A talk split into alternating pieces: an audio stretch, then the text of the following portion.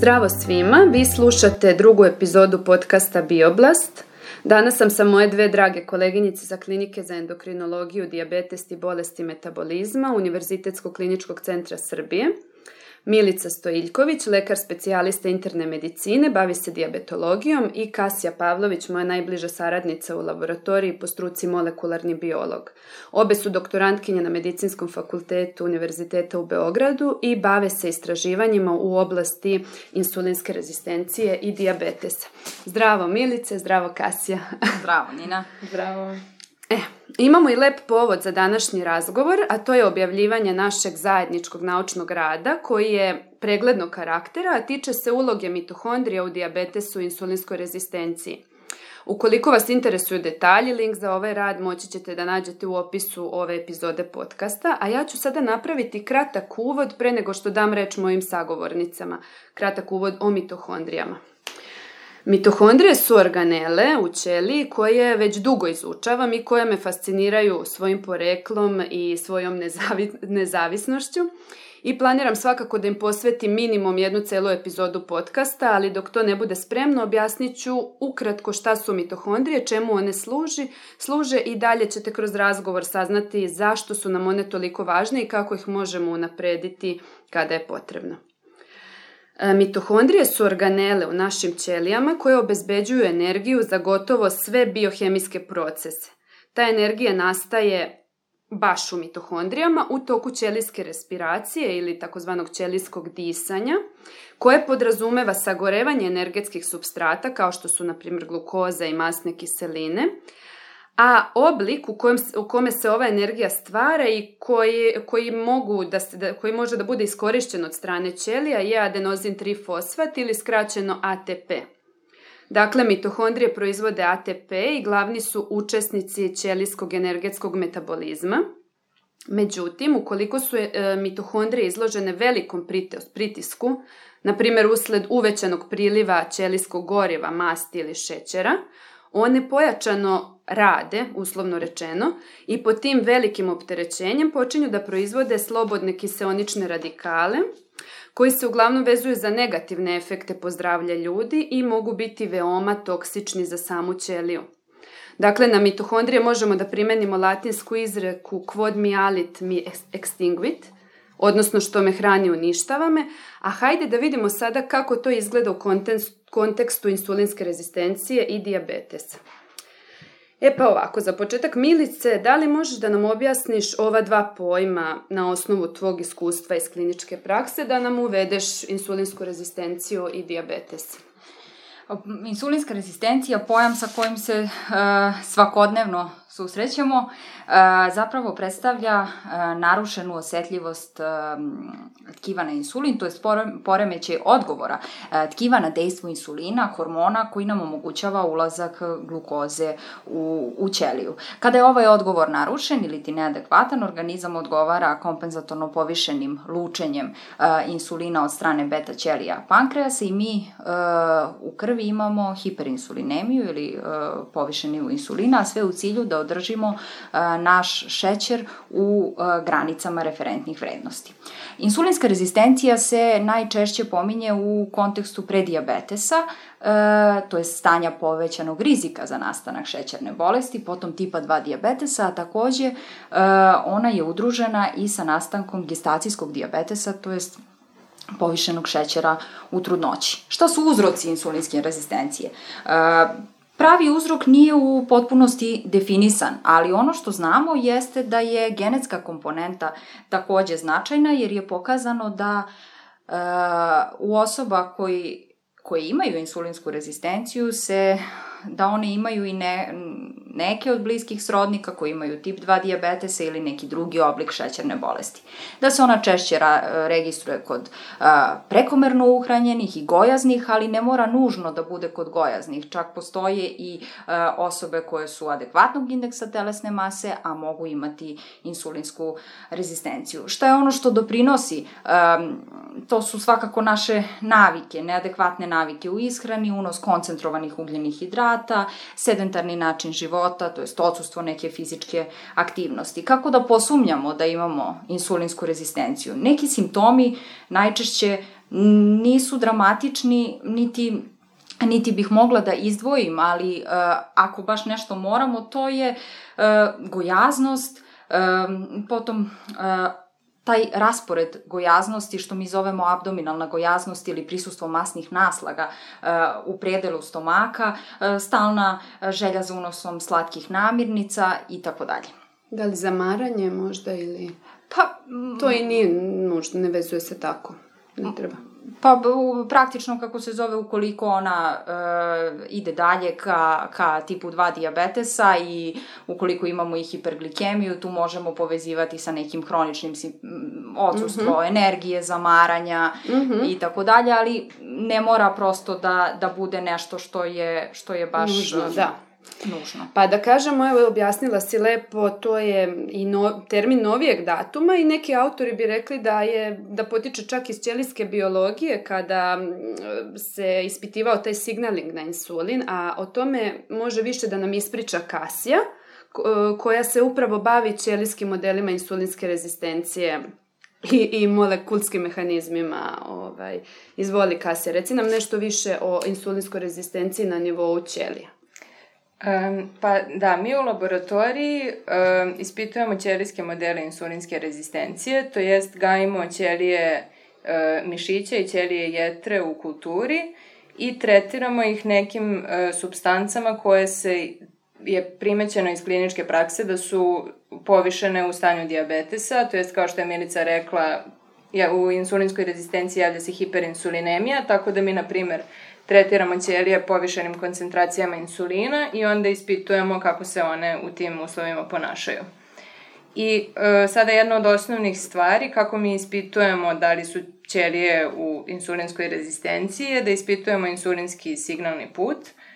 E, insulin koji je hormon, dakle nalazi se u krvotoku, u organizmu, u ćelije na ćelije deluje tako što se vezuje za neki receptor koji se nalazi na ćelijskoj membrani. I dalje postoji čitav niz uh, signala koji se prenose putem proteina u ćeliji i onda mi uh, različitim laboratorijskim metodama ispitujemo stanje tih proteina i njihovu aktivnost da bismo videli da li ćelija adekvatno odgovara na insulin ili ne.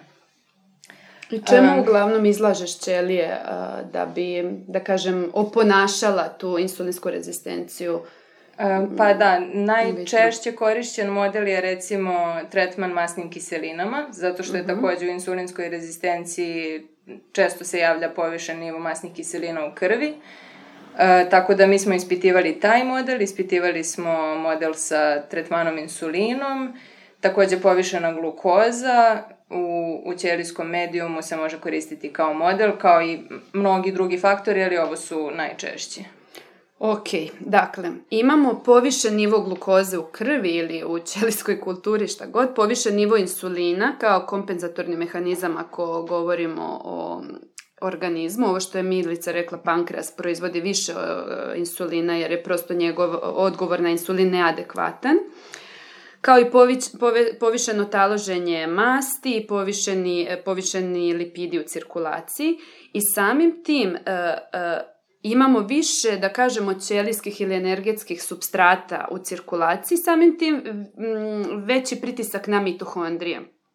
One pojačano rade, proizvode više slobodnih radikala, ali u jednom momentu mitohondrije prestaju da budu um, toliko funkcionalne i počinju da rade smanjenim respiracijskim kapacitetom. Ovo stanje, e, dakle, nižeg respiracijskog kapaciteta i niže mitohondrijske disfunkcije se odavno u literaturi vezuje za insulinsku rezistenciju i diabetes. E, I do tih saznanja smo došli kako in vitro studijama, tako i studijama in vivo.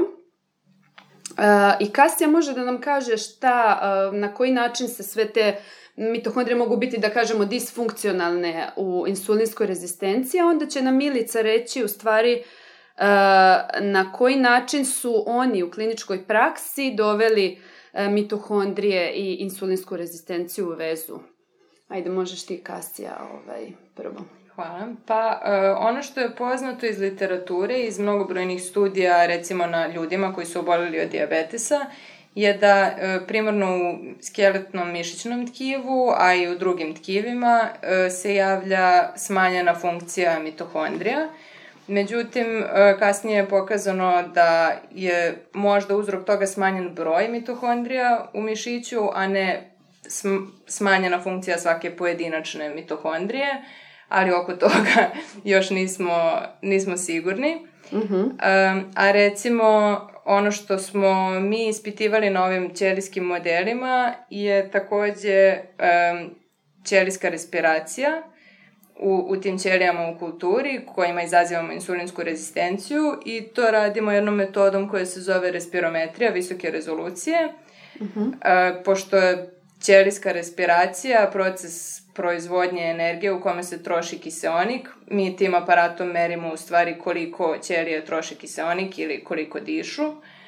I um, onda možemo da ispitamo koliko su mitohondrije funkcionalne u insulinskoj rezistenciji ili u nekim drugim izmenjenim stanjima. Da, i upravo tu smo videli taj smanjen respiracijski kapacitet e, na modelima, a posle ćemo reći i na neki, imamo neke i preliminarne podatke iz uzoraka ćelija krvi pacijenata. A Milice, kako, ovaj, kako ste vi doveli u vezu, da kažem, indirektno, ali mitohondrije i insulinsku rezistenciju?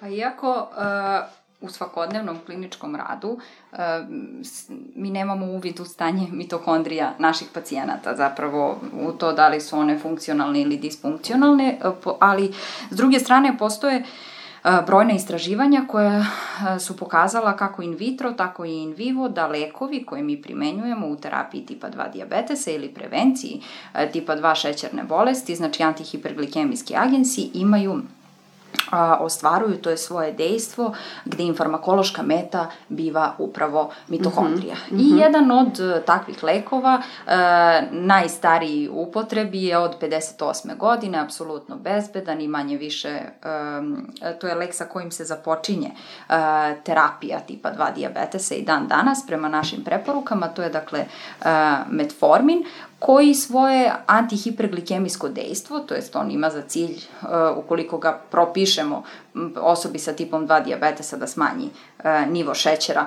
u krvi, znači to ostvaruje tako što uh, smanjuje proizvodnju šećera na nivou jetre, a na nivou samih mišića povećava osetljivost na insulin. insulin. Mm -hmm. Tako je, a kroz priču smo već pomenuli da uh, je i insulinska rezistencija na nivou perifernih tkiva ono što je jako značajno i ono što je uh, prisutno u tipu 2 diabetesa.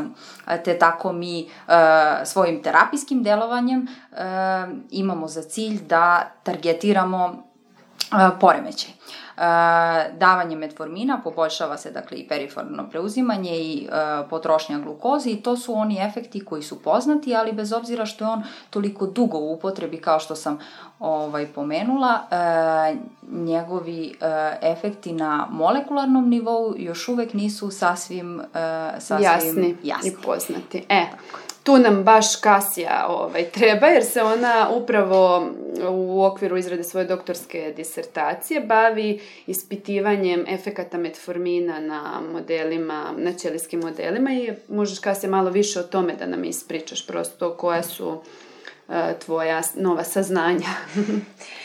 pa, um, mi baš ispitujemo te molekularne mehanizme metformina koji nisu u potpunosti poznati I jedna od predloženih stvari je da metformin deluje direktno na mitohondrije tako što inhibira funkciju kompleksa 1 respiratornog lanca, o kome nismo puno pričali, ali... Dobro, to je... rekli smo da mitohondrije, e, imamo tu ćelijsku respiraciju, odnosno ćelijsko disanje i to se sve odvija preko niza respiratornih e, kompleksa, proteinskih kompleksa koji se naziva jel, respiratorni lanac. Znači, prvi taj može da bude meta metformina.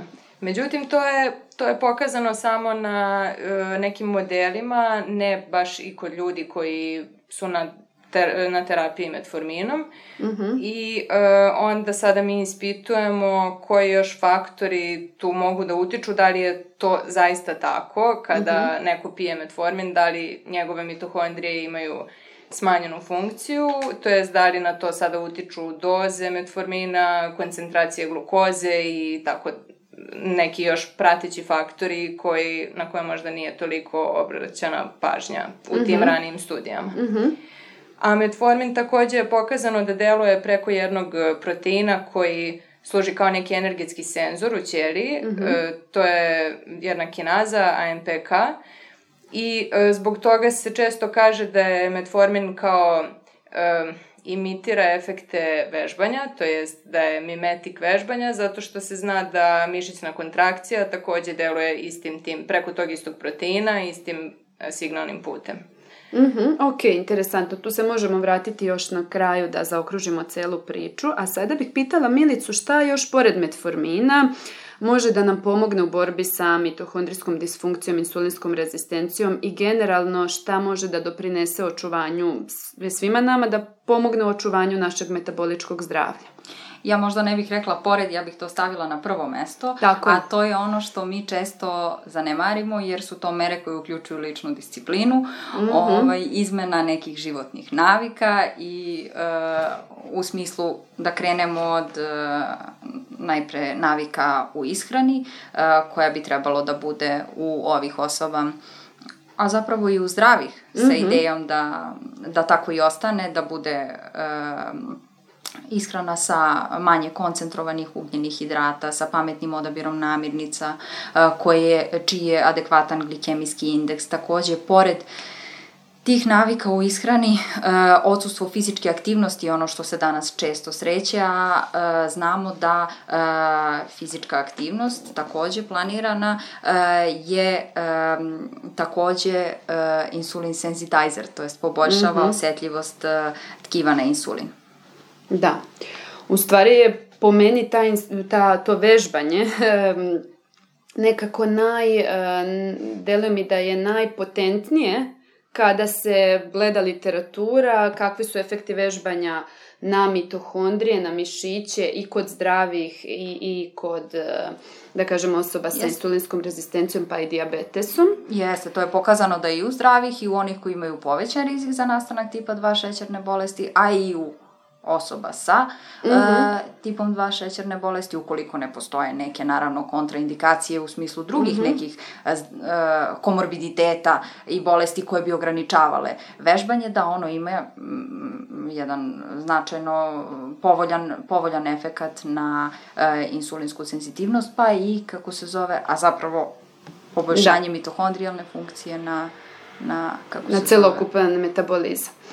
A Kasija, ti možeš da nam, evo sad sam se setila onog rada, što ga mi zovemo rad jedna noga, da nam ispričaš šta su oni našli. To je baš nedavan, nedavno objavljen rad i upravo je direktan dokaz da efekti vežbanja mogu da se da, da, da, da poboljšaju i insulinsku senzitivnost, a i mitohondrijsku funkciju. E, ja sad ne mogu da se setim tačno, bilo je dva rada sa jednom, jednom nogom. nogom. Ali možeš da ispričaš um, koncept i ideju da. tih, tih studija, kako su. Um, to je jako zanimljiva postavka eksperimenta gde uh, jedna osoba ili vežba samo jednu nogu, a drugom nogom miruje, ili je jedna noga imobilizovana, to je stavljena u neki, da kažemo, gips. Mm -hmm. I nekoliko nedelja ti ljudi tako sa jednom nogom u ekstremnom mirovanju funkcionišu. I onda su rađene mišićne biopsije iz jedne i iz druge noge i onda se poredi, mislim to je savršena kontrola jedna osoba, potpuno ista genetički i po svemu ostalom, osim po vežbanju u jednoj nozi da, u drugoj ne. I e, kada se porede e, mitohondrije, njihova funkcija, količina, a takođe i insulinska senzitivnost u, u tim e, nogama mm -hmm. u tim uzorcima, vidi se jasan efekat vežbanja pozitivan na, na mitohondrijalnu funkciju i na insulinsku senzitivnost. Da. A ovde smo možda... Um, možda je ostalo ne, ne, ne, ne istaknuto, a Milica rekla da je nemoguće još uvek uh, u, na, na rutinskom dnevnom nivou ispitivati mitohondrijsku funkciju kod pacijenata. E, zato što je upravo to, e, kako se do sada radilo, najrelevantnije da se uzimaju mitohondrije iz mišićnog tkiva. Jeste, kao tkiva bogatog mitohondrijama. Bogatog mitohondrijama i najmetabolički aktivnijeg tkiva, ovaj, ali to je svakako invazivna metoda, jer podrazumeva biopsiju. I, I zametna za svakodnevni klinički rad. Da, da, pa čak i ako postoje sad i te da su kao manje invazivne neke bio, igle za biopsiju, opet to podrazumeva lokalnu anesteziju, malo veći jelo, žiljak i to. Jasno, da, i u zavisnosti u koga se radi mm -hmm. i dalje neke komplikacije koje mogu da budu, kako Kao se posledica zove, toga. Posledica, posledica toga. Dakle, to, nam, to je ono što nam u stvari do sada ograničavalo da povezujemo mitohondrijsku disfunkciju, odnosno funkciju, sa drugim metaboličkim stanjima i uh, u ljudi. Ali šta je ono što sada uh, se sve više radi, o čemu smo opet pisali u našem radu, šta, ono što radimo mi u laboratoriji, pokušavamo da uvedemo u našu, da kažem, istraživačku praksu? Pa da, to je respirometrija iz ćelija krvi. To jest, krv je tkivo koje je lako dostupno, jel, vadi se za rutinske laboratorijske mm -hmm. analize i ćelije krvi mogu da se izoluju i da se onda meri njihova mitohondrijalna funkcija, što je jedan dosta zgodan pristup. E, takođe, krv je tkivo koje je jel, svuda, sistemski prisutno u organizmu, tako da se pretpostavlja i na osnovu nekih studija da e, ta funkcija mitohondrijalna ćelija krvi odražava u stvari neku sliku koja je u celom organizmu. Mhm. Mm Da, i imamo te neke studije da bi neki od ovih parametra, parametara koji, koje merimo respirometrijski moglo da bude kao neki marker ili pokazatelj metaboličkog zdravlja ljudi. Ali svakako ova istraživanje studije trebaju da budu urađena na prosto većem broju um, i validirane kao da. I validirane, da, da bi ušle, da, da bi to postali neki pomoćni diagnostički marker. I sada za kraj, e, šta nam još nauka, e, kako nas ohrabruje u smislu e, novih saznanja, pa bilo da su to farmakološki agensi ili opet neki efekti ovih stvari koje možemo da primenjujemo poput vežbanja i to. Možeš ti, Kasija, da nam daš završnicu. Da, pa sve ovo što smo do sada rekli, te intervencije u načinu života su dokazane. Pokazano je da imaju povoljan uticaj na mitohondrije, a samim tim i na metaboličko zdravlje. Izvini, a ono što smo zaboravili, to sam se malo presetila, diabetogeni faktori, znači pored te sedentarnosti što si ti rekla, nepravilna ishrana milice, Uh, imamo i da je starenje svakako, hteli mi to ili Jasno, ne, nas vodi to. Jasno, posle 45. godine je pokazano da, da. osobe starosne dobi posle da. 45. imaju, su rezistentnije. Da rezistentnije da i njihove mitohondrije su, da kažem, manje aktivne. To je prosto nešto što ide svojim da, prirodnim da, tokom. Sad možeš nastaviti ovaj... Za... E, pa da, i postoje sada neke studije koje ispituju nove substance koje e, deluju na mitohondrije i e, obećavaju kao budući terapeutici za diabetes, zato što ako imamo substancu koja deluje u svim tkivima na mitohondrije, koje su u diabetesu u svim tkivima manje više pogođene, mm -hmm. onda se dobije jednostavno jedan efekat na, na ceo organizam. Sistemski efekat, ja sam se pravilno izrazila. Mm -hmm. Da, I to neke jedan... od tih substanci su već u uh, kliničkim studijama i tako. E, možemo očekivati da će to da, uskoro imamo prosto i mi smo to da, u radu, da kažem, grupisali te substance u različite grupe, baš prema njihovo sad preciznom definisanom meta, me, mehanizmu na mitohondrije. E, hoću da kažem da je nauka dosta napredovala, ali da je svakako teško ispitati sve to e, u okviru kliničkih studija. Svi znamo da je to prosto dugotrajan proces, e, kao i zbog potencijalnih e, neželjenih dejstava koji mogu da se jave u toku tih studija i prosto mora da se ispoštuje sve. Eto sad u toku COVID-a smo imali priliku da vidimo i da shvatimo koliko su te uh, kliničke studije u stvari zahtevne i koliko ovaj, tako da, ali, ali ono što nam obećava je da ima dosta novih e, potencijalnih terapeutika i mimetika vežbanja čak koji bi mogli da e, pomognu u insulinskoj rezistenciji, targetuju mitohondrije, a da e, svakako svi zdravi i, i, i e, treba da se pridržavamo ovih navika koje smo rekli, dakle da regulišemo ishranu, da smo mnogo aktivniji e, fizički, Da svedemo da svoju telesnu masu na preporučenu. Na preporučenu, tako je, i da se generalno pridržavamo zdravih, zdravih navika i da se bavimo naukom i informišemo nauci. E pa ako nemate ništa da dodate, ne znam, smo nešto preskočili, ja bih vam se zahvalila na, na razgovoru, hvala svim slušalcima na pažnji, čuvajte se i ostajte nam zdravo do sledeće epizode. Ćao!